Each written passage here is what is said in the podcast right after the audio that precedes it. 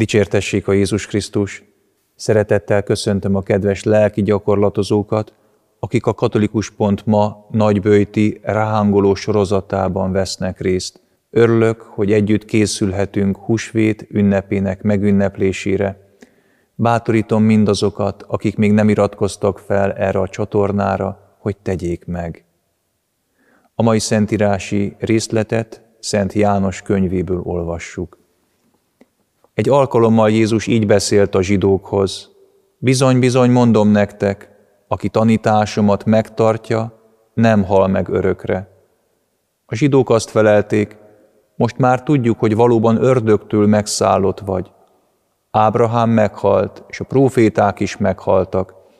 Te meg azt mondod, aki tanításomat megtartja, de nem hal meg örökre. Nagyobb vagy talán Ábrahám atyánknál, aki meghalt. A proféták is meghaltak. Mivé teszed magadat? Jézus így válaszolt, ha önmagamat dicsőíteném, az semmit nem érne. Az én atyám az, aki megdicsőít engem. Ti isteneteknek mondjátok őt, de nem ismeritek. Én ismerem őt, és azt mondanám, hogy nem ismerem, hozzátok hasonló hazug lennék de én ismerem az atyát, és megteszem, amit mond. Ősatyátok Ábrahám újjongott, hogy megláthatja eljövetelem napját. Látta és örvendezett. A zsidók erre felháborodtak. Még ötven esztendős sem vagy, és láttad Ábrahámot? Jézus így válaszolt, bizony-bizony mondom nektek, mielőtt Ábrahám lett volna, én vagyok. A zsidók erre köveket ragadtak, hogy megkövezzék. Jézus azonban eltűnt előlük, és kiment a templomból. Megrendítő hallani ezt a párbeszédet Jézus és az őt hallgató zsidók között. Megrendítő, hogy Jézus az igazságot mondja el, Jézus feltárja, hogy kicsoda az Isten, és a jelenlévők közül sokan elutasítják Jézust ellenségesen fordulnak felé olyannyira, hogy köveket ragadnak, hogy megkövezzék őt. Ez a szentírási részlet fontos, hogy rádöbbentsen bennünket arra, és elgondolkoztasson bennünket azon, hogy mi hogyan hallgatjuk Jézust, hogy mi tényleg párbeszédben vagyunk vele, tényleg figyelünk rá, tényleg meghalljuk azt, amit mond, és befogadjuk igazán azt, amit mond vagy közömbösségünkkel, önzésünkkel, más egyéb bűneinkkel köveket ragadunk, hogy elűzzük őt magunktól. Nézzünk magunkba, és tegyük fel magunknak a kérdést, mi hogyan hallgatjuk Isten szavát. Mi a Bátai Szentvér Kegyhely templomában rendszeresen hallgatjuk a szentmiséken Isten szavát, és törekszünk mi is tudatosítani önmagunkban, hogy Isten szavára fontos, hogy odafigyeljünk, mert Isten szava örök életet adó igazság. Péter apostol azt mondja Jézusnak, János evangéliumában olvassuk, Uram, kihez mennénk? Neked örök életet adó igéid vannak. És Jézus a mai szentírási epizódban is azt mondja, bizony-bizony mondom nektek, aki megőrzi szavamat, nem hal meg örökre. Mit jelent az, hogy aki megőrzi Isten szavát, aki megőrzi Jézus Krisztus szavát, nem hal meg örökre. Jézus, hogy hallottuk ebben az epizódban, azt mondja, bizony-bizony mondom nektek, mielőtt Ábrahám lett volna, én vagyok. Az én vagyok kijelentés arra utal titokzatos módon, hogy ő Isten. Mert Isten Mózesnek így mutatkozott be annak idején, kivonulás könyvében olvassuk, én vagyok, aki vagyok. Jézus szava örök életet adó ige, mert Jézus Isten, Istennek a fia. És a János evangélium elején olvassuk, kezdetben volt az ige, és az ige Istennél volt, és Isten volt az ige. Minden ő általa lett, és nélküle semmi sem lett, ami lett. Jézus Krisztus, Isten megtestesült igéje. Ő az örök ige, akiértünk emberré lett.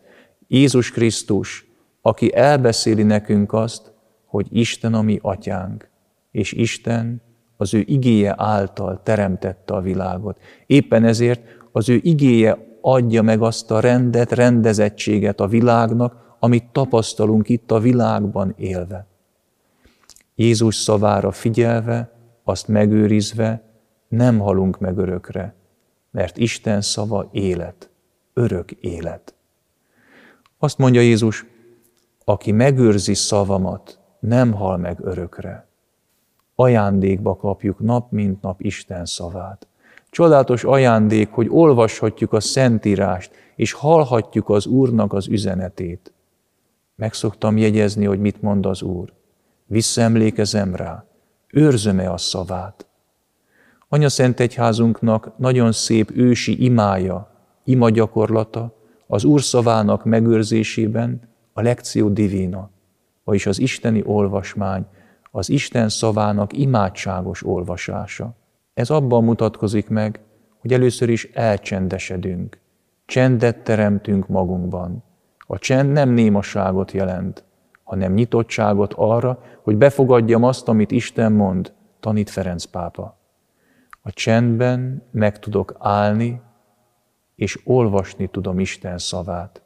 Fontos, hogy nap mint nap szálljunk időt arra, szálljunk csendet arra, hogy elolvassunk Isten szavából egy részletet, egy epizódot, és törekszünk arra figyelni, hogy megértsük, mi az üzenet. Az olvasásnak ez a fő szempontja, mit akar a Szentíró elmondani nekünk. Miután elolvastuk az adott szentírási részletet, jön az elmélkedés, vagyis törekszem töprengeni azon, hogy mit mond Isten ezen szentírási szakaszon keresztül nekem ma. Hogyan kapcsolódik az én élethelyzetemhez az elolvasott szentírási igehely. Utána pedig, miután ezen tűnődtem, gondolkodtam, egyszerűen csak szemlélem Istent, aki itt van velem, aki szól hozzám, aki szeret. Az elmélkedés és a szemlélés után pedig imádságban hálát adok az Úrnak, hogy ő szól hozzám. Kifejezem mindazt, ami bennem van, hogy Ambrus, Szent Ambrus mondja, amikor olvassuk a Szentírást, Isten szól hozzánk, és amikor imádkozunk, mi válaszolunk neki. Ezt követően törekszem tettekké váltani azt, amit elolvastam, azt, amin elmélkedtem, amit szemléltem. Mert Isten szavát fontos, hogy tettekre váltsuk, hogy megéljük, annak fényében cselekedjünk. És az elolvasott, átelmélkedett, szemlélt, átimádkozott, tettekre váltott szót törekszem másoknak is hirdetni, törekszem továbbadni.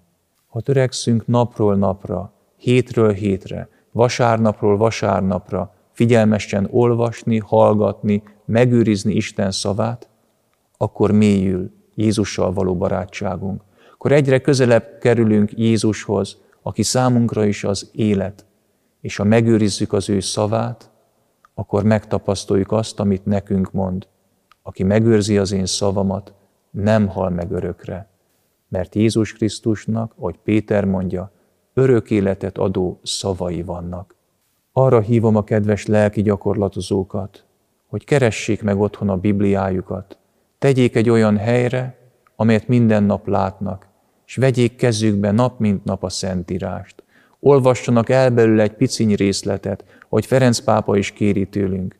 Mert ha minden nap egy pici részt elolvasunk, például az evangéliumokból, akkor tudjuk igazán élni, megélni Jézus Krisztus barátságát, Jézus Krisztus velünk való létét.